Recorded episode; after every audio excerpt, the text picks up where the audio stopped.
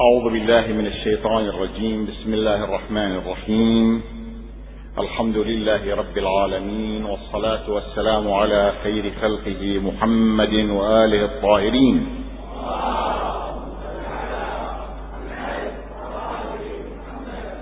أيها الإخوة الأفاضل والأخوات الفضيات السلام عليكم ورحمة الله وبركاته.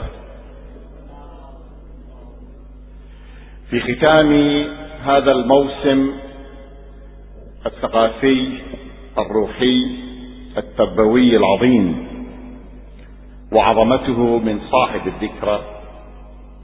أما هذا العبد الفقير إلى ربه فهو أقل من أن يعد نفسه في عداد من يوصف عمله بشيء. ولكن أفتخر وأعتز بأني أعتبر نفسي خادما من قدام الإمام المهدي أرواحنا فداه وأسأل الله أن يقبلني هذا السيد وهذا الإمام العظيم خادما ومنتظرا لتراب أقدامه الفداء. نسأله أن يجعلنا جميعا من المنتظرين الواقعيين له إن شاء الله. حديثنا في هذه الليلة عن الازدهار والتكامل في عصر الظهور.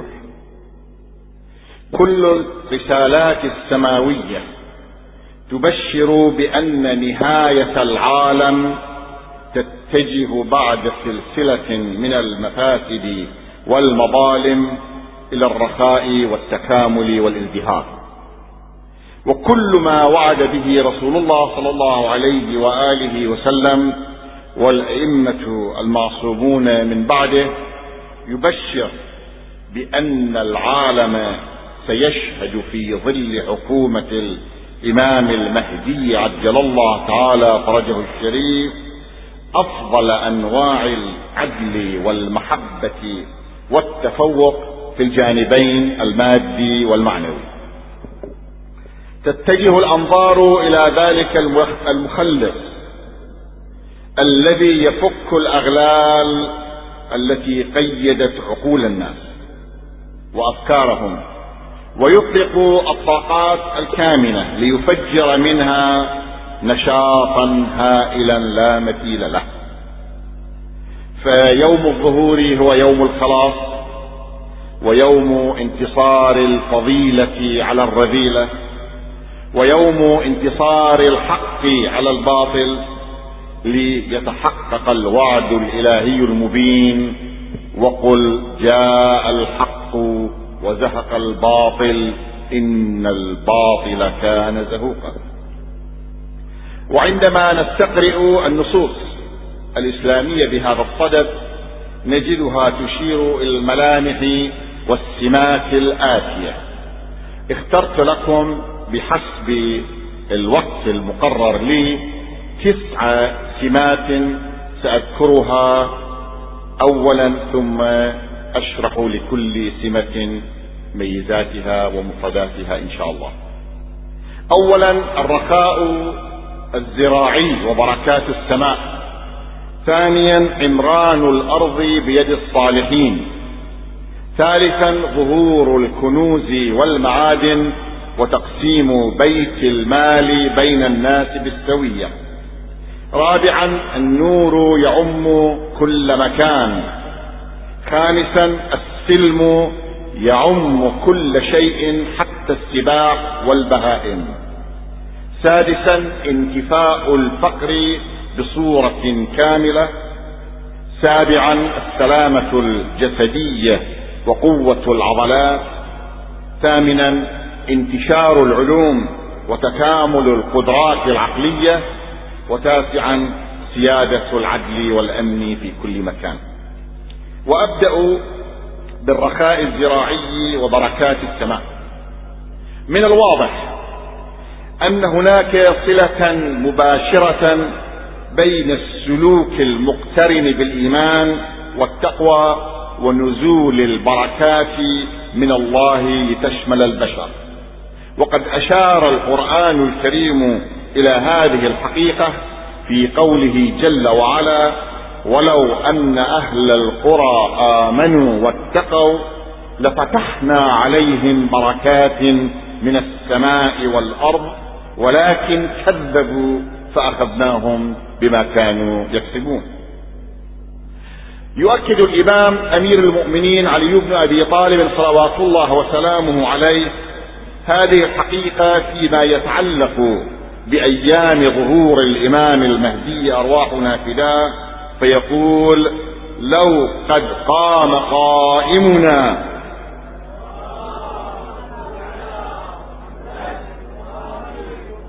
لو قد قام لأنزلت السماء قطرها ولأخرجت الأرض نباتها ولذهبت الشحناء من قلوب العباد. في صياغة أخرى نجد هذه التتمة. حتى تمشي المرأة بين العراق والشام لا تضع قدميها إلا على النبات. في نص آخر مشابه ورد عن الإمام الحسن المجتبى صلوات الله وسلامه عليه يتحدث عن المهدي عجل الله تعالى فرجه الشريف فيقول يدين له عرض البلاد وطولها حتى لا يبقى كافر إلا آمن ولا صالح إلا صلح وتصطلح في ملكه في ملكه السباع وتخرج الأرض نبتها وتنزل السماء بركتها. وليس هذا مذكورا في أحاديث المعصومين فقط بل ينقل السيد ابن طاووس في كتابه المسمى سعد السعود أنه وجد في صحف إدريس النبي عليه السلام أن الله جل وعلا يقول وأنزل في الحديث عن الإمام المهدي وأنزل بركات من السماء والأرض وتزهر الأرض بحسن نباتها وتخرج كل ثمارها وأنواع طيبها. هناك أحاديث مشابهة ينقلها قاضي القضاة يوسف بن يحيى الشافعي في كتابه آه الكتاب المهم الذي ينقله هو عقد الدرر في أخبار المهدي المنتظر وكذلك الحاكم النيسابوري في المستدرك على الصحيحين أن الحديث عن أبي سعيد الخدري أن رسول الله صلى الله عليه وآله وسلم قال يخرج في آخر أمتي المهدي يسقيه الله الغيث وتخرج الأرض نباتها ويعطي المال صحاحا وتكثر الماشيه العلامة المحقق السيد محمد كاظم القزويني رحمة الله عليه في كتابه الإمام المهدي من الولادة أو من المهدي إلى الظهور من المهدي إلى الظهور يعلق على هذه الخصوصية فيقول الصحاري الخالية والبراري القاحلة والأراضي الجرداء التي لا زرع فيها ولا كلأ سوف تتبدل إلى مزارع خضرة تنبت من كل زوج بهيج بسبب كثرة الأمطار والأنهار وانتعاش الأراضي بها. بالمناسبة قد يتصور الإنسان أن قيمة الأمطار أو المياه الكثيرة غير آه، لا شيء وأنها لا تساوي الذهب الأسود وهو النفط. أحد قادة الشرق الأوسط ولا أذكر اسمه ولا يعني أتعمد في أن لا أذكر اسمه أحد قادة الشرق الأوسط حينما كانت معركة النفط قبل ثلاثين سنة آه، قال له رئيس الوزراء البريطاني أنه آه، ما بالكم تحتكرون النفط في بلادكم وتحرموننا من ذلك؟ فقال لهم أنا مستعد أبادلكم النفط الذي عندنا بالمطر الذي عندكم. فاذا المطر إذا كان مفيدا ويسبب الابتهاج والزراعة وكثرة الخيرات لا يقل قيمة عن ماذا؟ عن النفط الذي هو الآن في أعلى وأغلى درجاته ثم يقول رحمة الله عليه ويكون نزول الأمطار بسورة تنتفع بها الأرض لا كالأمطار التي تتكون من السيول وتهدم المساكن وتغرق المزارع. هذا فيما يتعلق بالسمة الأولى. أما السمة الثانية عمران الأرض بيد الصالحين. كما لاحظنا في آية الاستخلاف في الليلة الثانية من لقائنا المبارك هذا تحدثنا عن ثلاث آيات والآية الأولى كانت آية الاستخلاف. كما لاحظنا في آية الاستخلاف في الأرض وهي الآية 55 من سورة النور فإن الإمام السجاد عليه السلام يعتبر عصر ظهور الإمام المهدي عليه السلام هو الظرف الحقيقي لتحقق هذا الوعد الإلهي أو الوعود الثلاثة التي ذكرناها. أنيطت, أنيطت مهمة عمران الأرض إلى بني البشر وذلك باستغلال الثروات الطبيعية واستخدامها في الطريق الذي يحقق أفضل الفوائد للمجتمعات الإنسانية. يقول الله جل وعلا وإلى ثمود أخاهم صالحا قال يا قوم اعبدوا الله ما لكم من إله غيره هو أنشأكم من الأرض واستعمركم فيها فاستغفروه ثم توبوا إليه إن ربي قريب مجيب. طبعا هذا الاستعمار ليس استعمارا سياسيا دقيقا وإنما هو توجيه للطاقات نحو العمران. وهذه المسؤولية ليست مختصة بالنبي صالح عليه السلام وقوم ثمود وإنما هي حقيقة سارية تنطبق على جميع الأمم. لكن الحقيقة المرة التي الحقيقة المرة هي أن ما قدمته البشرية من إفساد وتخريب يفوق ما حصل على يديها من عمران وبناء.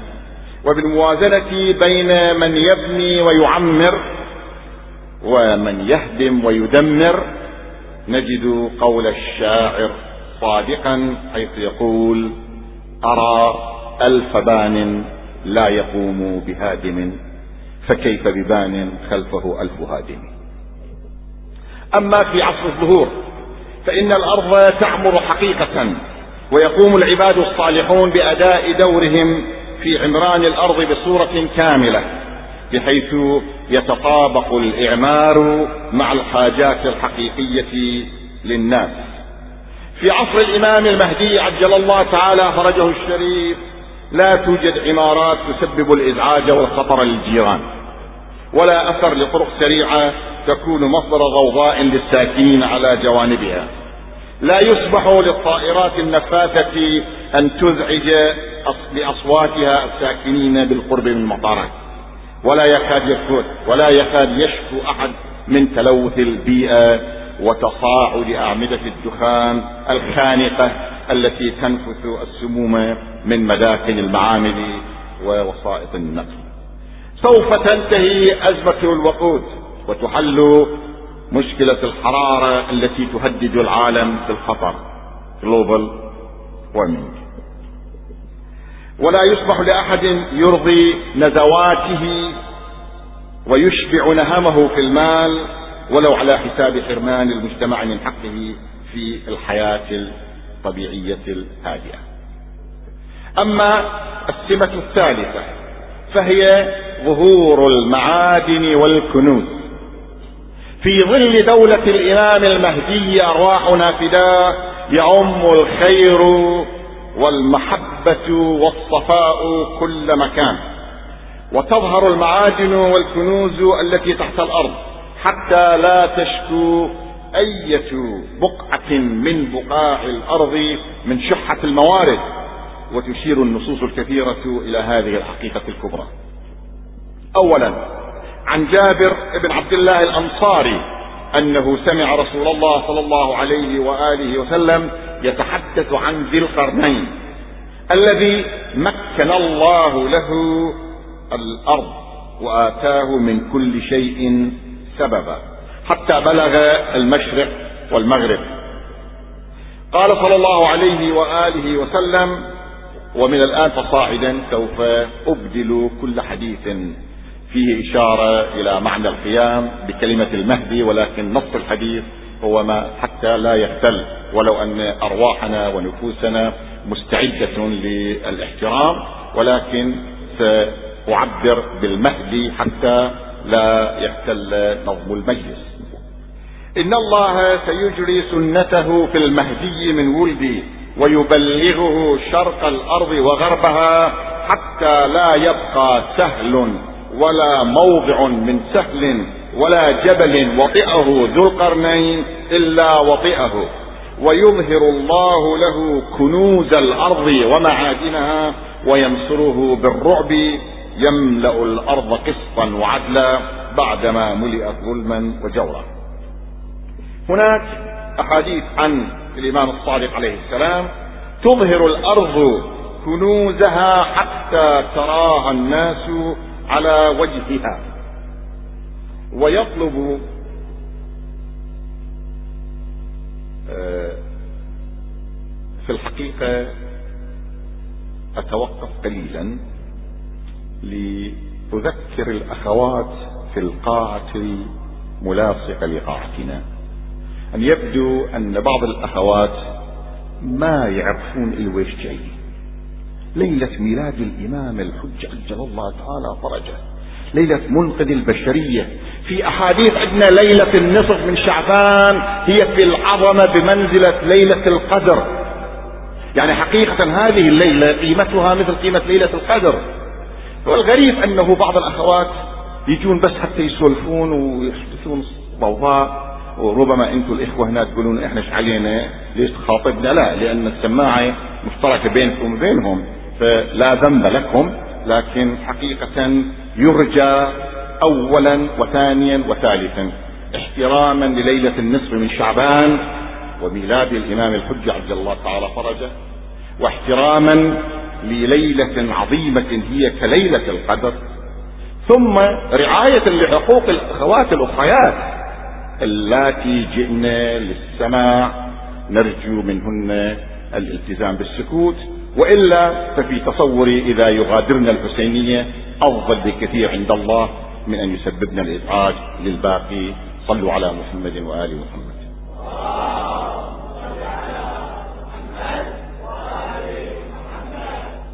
كنا نتحدث عن ظهور الكنوز والمعادن وقلنا هناك أحاديث كثيرة في هذا المجال.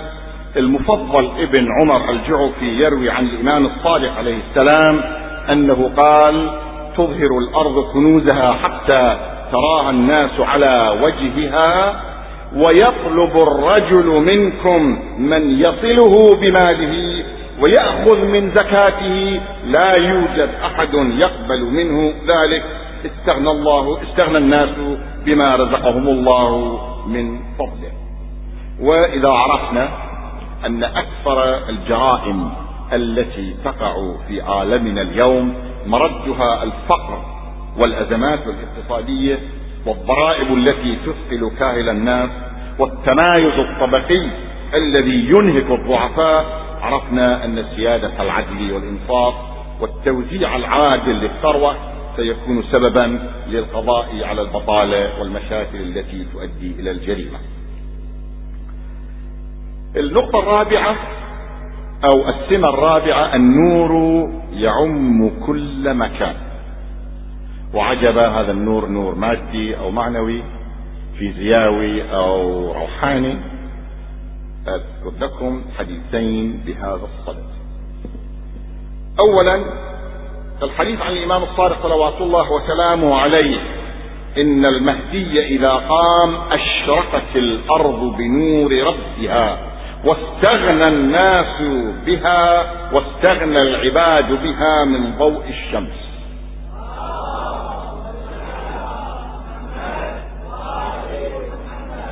اولا نقرأ في القرآن الكريم عن أوصاف القيامة وأشرقت الأرض بنور ربها. وفي زيارة الجامعة تقف أمام الأئمة المعصومين صلوات الله وسلامه عليه بأدب واحترام وتقول وأشرقت الأرض بنوركم. أشرقت الأرض بنور ربها أشرقت الأرض بنوركم. تخاطب الإمام موسى بن جعفر صلوات الله وسلامه عليه فتقول السلام عليك يا نور الله في ظلمات الأرض.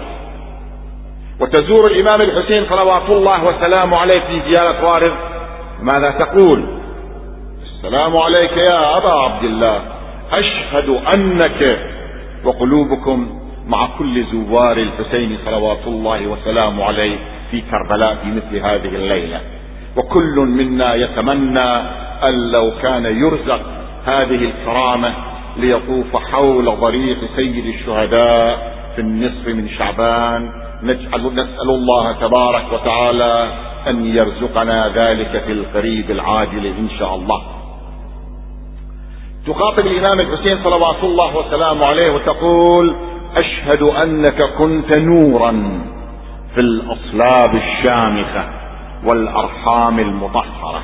لم تنجسك الجاهلية بانجاسها ولم تلبسك من مدلهمات ثيابها. اذا هم النور نور الله جل جلاله هم التين والزيتون والشفع والوتر. اذا الحديث يقول أشرقت الأرض بنور ربها واستغنى العباد من ضوء الشمس وتتصل بيوت الكوفة بنهر كربلاء وبالحيرة. ويتضح من هذا الحديث كيف تحل مشكلة السكن التي تعتبر في صدارة اهتمامات الدول والحكومات.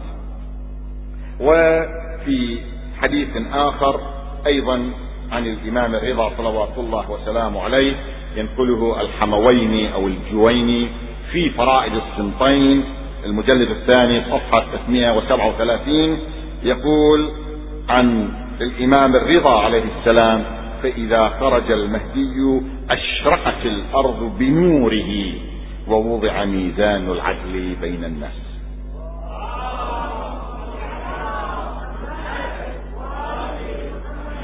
أما السمة الخامسة السلم يعم كل شيء حتى السباع. هل سمعتم بالذئب يعيش مع الغنم؟ وإلى جانبه دون أن يؤذيه. وهل بلغكم أن العقارب والحيات تكف عن إلحاق الأذى ببني البشر؟ نعم. في دولة الإمام المهدي عجل الله تعالى فرجه الشريف يزول الحسد والحقد والبغضاء وتحل محل ذلك المحبة والمودة والوئام. فإذا كنا حقيقة نريد أن تتناغم وضعيتنا مع وضعية المجتمع الذي في ظل دولة المهدي يجب أن نعمل من الآن على استبدال الحسد والحقد والبغضاء وهذه الرذائل بالصفات والملكات الفاضلة التي هي المحبة والمودة والوئام. البشر يعلى الوجوه والتعاون والإنصاف والتسابق إلى عمل الخير يكون شعار الجميع فالسلم هو القاعدة والمبدأ والتسامح هو الشعار والسلوك. ينعكس هذا السلوك على البهائم والسباع فلا يفتك بعضها ببعض. وهذه سمة أخرى من سمات حكومة الإمام المهدي أرواحنا فداه يقول جابر ابن عبد الله الأنصاري سمعت الإمام الباقر عليه السلام يقول كأني بأصحاب المهدي وقد أحاطوا بما بين الخافقين ليس من شيء إلا وهو مطيع لهم حتى سباع الأرض. الحيوانات المفترسة والسباع تطيع أصحاب الإمام صلوات الله وسلامه عليه. ليس من شيء إلا وهو مطيع لهم حتى سباع الأرض وسباع الطير. تطلب رضاهم في كل شيء حتى تفخر الأرض على الأرض وتقول مر بي اليوم رجل من أصحاب الإمام عليه السلام.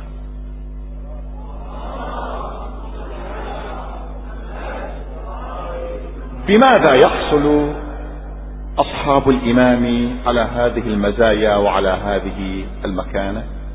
بما أشرنا إلى ذلك قليلا البارحة من التهذيب والتزكية وتحسين السلوك من الصفاء من ترك الآثام والمعاصي من التقرب إلى إمام زماننا بما يجعله مسرورا حينما تعرض أعمالنا عليه أيام الاثنين وأيام الخميس كما قلت في ليلة أخرى مرتين في الأسبوع حسب الأحاديث تعرض صحائف أعمال كل واحد منا كبيرنا وصغيرنا على الإمام الحجة عجل الله تعالى فرجه فيفرح سلام الله عليه حينما يجد أتباعه وأنصاره ملتزمين بطريق الحق ويتألم ويتأسف حينما يرى صدور بعض المعاصي عنهم.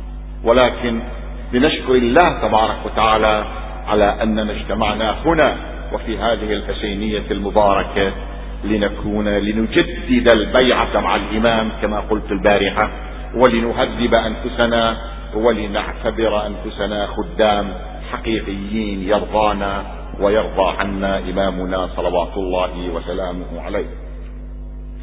في حديث آخر عن الإمام الحسن عليه السلام أنه قال حتى طبعا تتم الحديث حتى يبعث الله رجلا في آخر الزمان وكلب من الدهر وجهل من الناس حتى لا يبقى كافر إلا آمن ولا صالح إلا صلح وتصطلح في ملكه السباع. النقطة السادسة انتفاء الفقر بصورة كاملة. في المعايير الاقتصادية ترجع عوامل الفقر إلى مجموعة من الأسباب المادية. أما في منطق الدين فإن هناك سببا غيبيا للفقر يرتبط بسلوك النفس. إن القرآن الكريم يرسم لنا لوحة واضحة المعالم في هذا المجال حيث يقول عز من قائل وضرب الله مثلا قرية كانت آمنة مطمئنة يأتيها رزقها رغدا من كل مكان. فكفرت بأنعم الله فأذاقها الله لباس الجوع والخوف بما كانوا يصنعون. إذا ربما ندرس في الجامعات في كتب الاقتصاد السياسي في الدراسات الصلة بين الفقر والعوامل الأخرى ولكن العامل المعنوي والعامل الغيبي الذي يذكره القرآن الكريم لنا أن معصية الله أن كفران النعم يؤدي إلى الجوع والفقر والخذلان. إن كفران النعمة لا ينحصر بالنعم المادية فقط بل يشمل النعم المعنوية والروحية أيضا. مثلا حين نتلو قوله عز من قائل ثم لتسألن يومئذ عن النعيم نرى في روايات عديدة عن أهل البيت عليهم السلام أن المقصود عن النعيم هنا هو ولاية علي بن أبي طالب والأئمة من بعده عليهم السلام.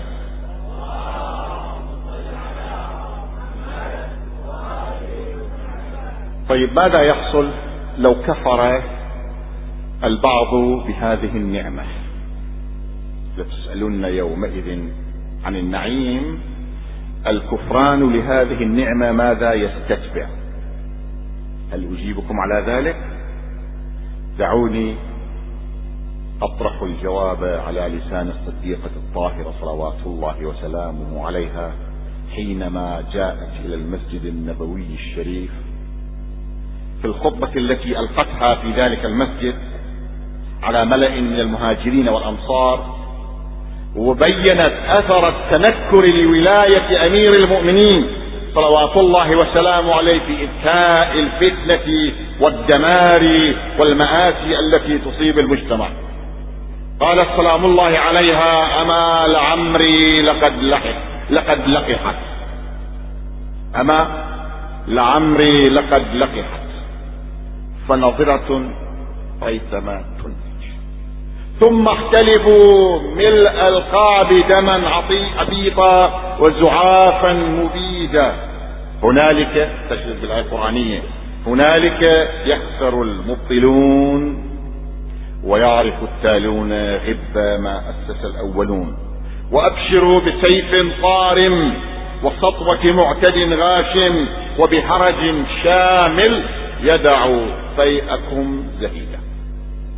فإذا التنكر للنعم المعنوية أيضا وليس النعم المادية فقط. يحدث من المآسي والبلاء والفقر والمشاكل ما أشارت الصديقة الطاهرة سلام الله عليها إلى جزء بسيط منه.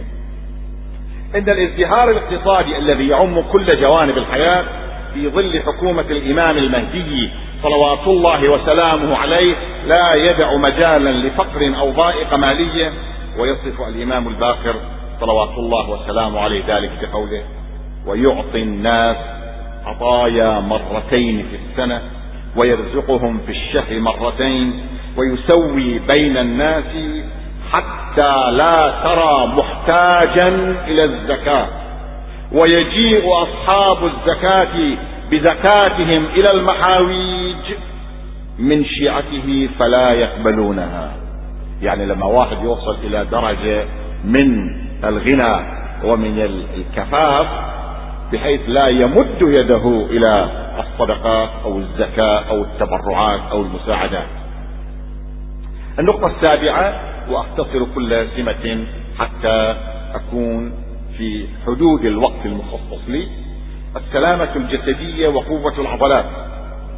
يقول الإمام الباقر صلوات الله وسلامه عليه حديثنا صعب مستصعب لا يحتمله إلا ملك مقرب أو نبي مرسل أو مؤمن ممتحن.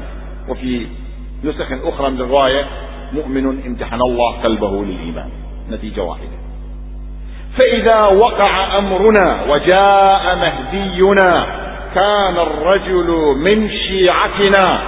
وهنيئا لكم يا أتباع الإمام وشيعة الإمام المهدي. عجل الله تعالى فرجه الشريف.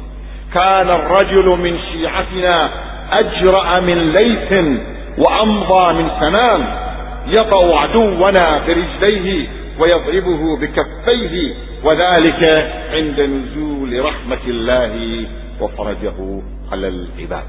صلوا على محمد وآله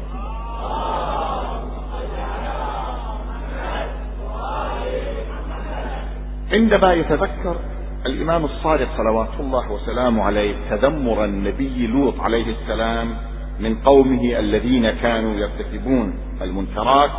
يقول الإمام سلام الله عليه ما كان يقول لوط لو أن لي بكم قوة أو آوي إلى ركن شديد إلا تمنيا بقوة المهدي ولا ذكر إلا شدة أصحابه فإن الرجل منهم يعطى قوة أربعين رجلا وإن قلبه لأشد من الحديد ولو مروا بجبال الحديد لقطعوها.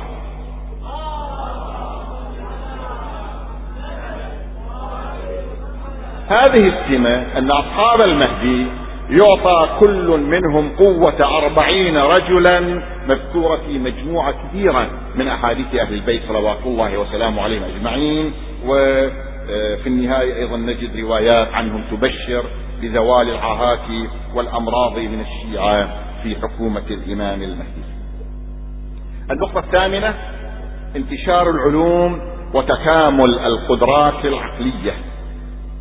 في الحديث الأول عن الإمام الباقر صلوات الله وسلامه عليه إذا قام المهدي صلوات الله وسلامه عليه وضع الله يده على رؤوس العباد فجمع بها عقولهم وكملت بها أحلامهم. ما هذا التأثير المعنوي؟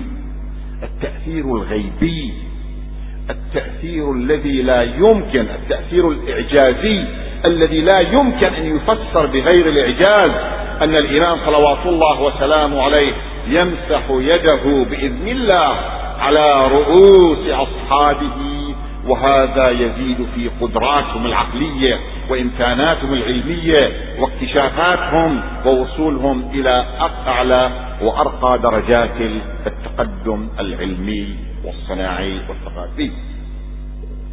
آه، حديث لطيف آه، بالنسبة لنا الآن يبدو طبيعي جدا نتيجة للإنترنت والتليفونات النقالة حيث يستطيع الإنسان أو عن طريق التلفاز الفضائيات يستطيع الإنسان في المشرق أن ينظر أخاه في المغرب وشخص موجود في المغرب يرى أخاه في المشرق. شخص موجود من باب المثال في تورنتو في كندا. يمكن أن يرى شخص آخر في أستراليا يتحدث معه وهكذا. ولكن تصوروا قبل 1400 سنة إذا كان شخص يتحدث عن هذه القضية كانت تبدو ماذا؟ أشبه بالخيال. فالله جل وعلا مكن علامة واحدة من أن تصبح أمرا مألوفا حتى لا يستغرب لا يستغرب أحد من العلامات الأخرى من التقدم والإزدهار. عبد الله بن مسكان يقول سمعت الإمام الصادق عليه السلام يقول إن المؤمن في زمان القائم عليه السلام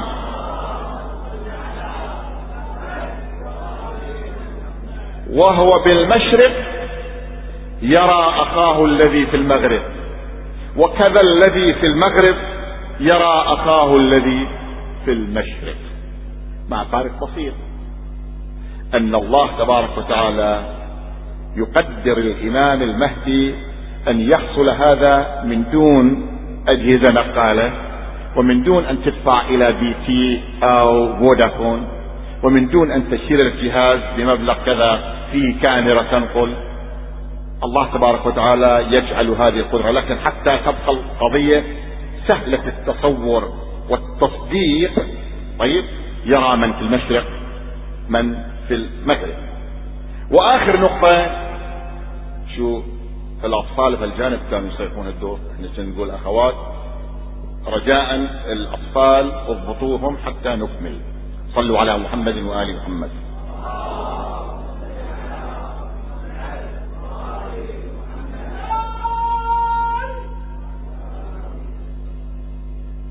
أما النقطة التاسعة فهي تتعلق بسيادة العدل وهذا لا يحتاج إلى بيان لأن كل البشائر عن رسول الله صلى الله عليه وآله وسلم وفي كل مصادر الحديث في الترمذي وسنن ابن ماجه وأبي داود والجامع الصحيح وفرائد السنطين والمستدرك على الصحيحين غير كتب الإمامية صلوات الله وسلامه على أئمتهم. كل هذه تقول يملأ الله به الأرض قسطا وعدلا بعدما ملئت ظلما وجورا. لكن هذه السمات نجدها في مجموعة من الأحاديث كلها تركز على سيادة العدل وانتفاء الجور وأن هناك ميزة أذكركم بها وهذه خاصة بالتحقيق الجنائي وفي الأحكام القضائية. في المرافعات الجنائية الفقيه بل الإمام بل حتى رسول الله صلى الله عليه وآله وسلم كان يلتزم بالشهود والبينات ولا يحكم بعلمه الإلهي. في أحاديث كثيرة مذكورة في كتاب القضاء في وسائل الشيعة وفي أحاديث أخرى أن الذي من الأنبياء كان يحكم بالحقيقة والعلم الواقعي كان داود عليه السلام. وأما رسول الله صلى الله عليه وآله وسلم يقول إنما أقضي بينكم بالبينات. يعني لا يتصور واحد لنا أحكم عليه بموجب الشهود اللي جابهم يقول هذا هو رسول الله قال الحق لك؟ لا. إنما أقول الحق اليه لأنه البينات أو الشهود اللي جابهم. فإذا كانوا الشهود مزورين معنى ذلك أصل القصة منتفية. لكن الإمام المهدي المنتظر أرواحنا فداه حينما يظهر يحكم بحكم داود يعني يحكم بالحق والواقع لا بالأحكام الظاهرية. وهذا ملمح آخر وسمه أخرى من أيام العدل لحكومة الإمام صلوات الله وسلامه عليه ولا بأس بأن أختم بهذه الجملة من السيد ابن طاووس رحمة الله عليه في سعد السعود يقول وجدت في صحف إدريس النبي عليه السلام عن الله جل وعلا وألقي في ذلك الزمان الأمانة في الأرض فلا يضر شيء شيئا ولا يخاف شيء من شيء ثم تكون الهوام والمواشي بين الناس فلا يؤذي بعضهم بعضا. هذه تسع سمات اخترتها لكم إخوتي العزة وأخواتي الفضليات ونحن في مثل هذه الليلة المباركة ليلة النصف من شعبان التي قلت إن منزلتها بحسب النصوص المعتبرة لا تقل عن منزلة ليلة القدر فاغتنموا هذه الليلة وباركوها ودعونا نجدد العهد بإمامنا وسيدنا وقائدنا المهدي المنتظر عجل الله تعالى فرجه الشريف وأن نسأل الله تبارك وتعالى بالدعاء الذي سوف تقرؤونه بعد أسبوعين في كل ليلة من ليالي شهر رمضان. بسم الله الرحمن الرحيم. اللهم إنا نرغب إليك في دولة كريمة تعز بها الإسلام وأهله وتذل بها النفاق وأهله وتجعلنا فيها من الدعاة إلى طاعتك والقادة إلى سبيلك وترزقنا بها كرامة الدنيا والآخرة. اللهم عجل في فرج مولانا صاحب العصر والزمان واكحل نواظرنا برؤية منه إلى طل... برؤية إلى طلعته البهية. اللهم اجعلنا ممن استحصل رضاه. اللهم اجعلنا من خدامه ومن المستشهدين بين يديه. والسلام عليكم ورحمة الله وبركاته.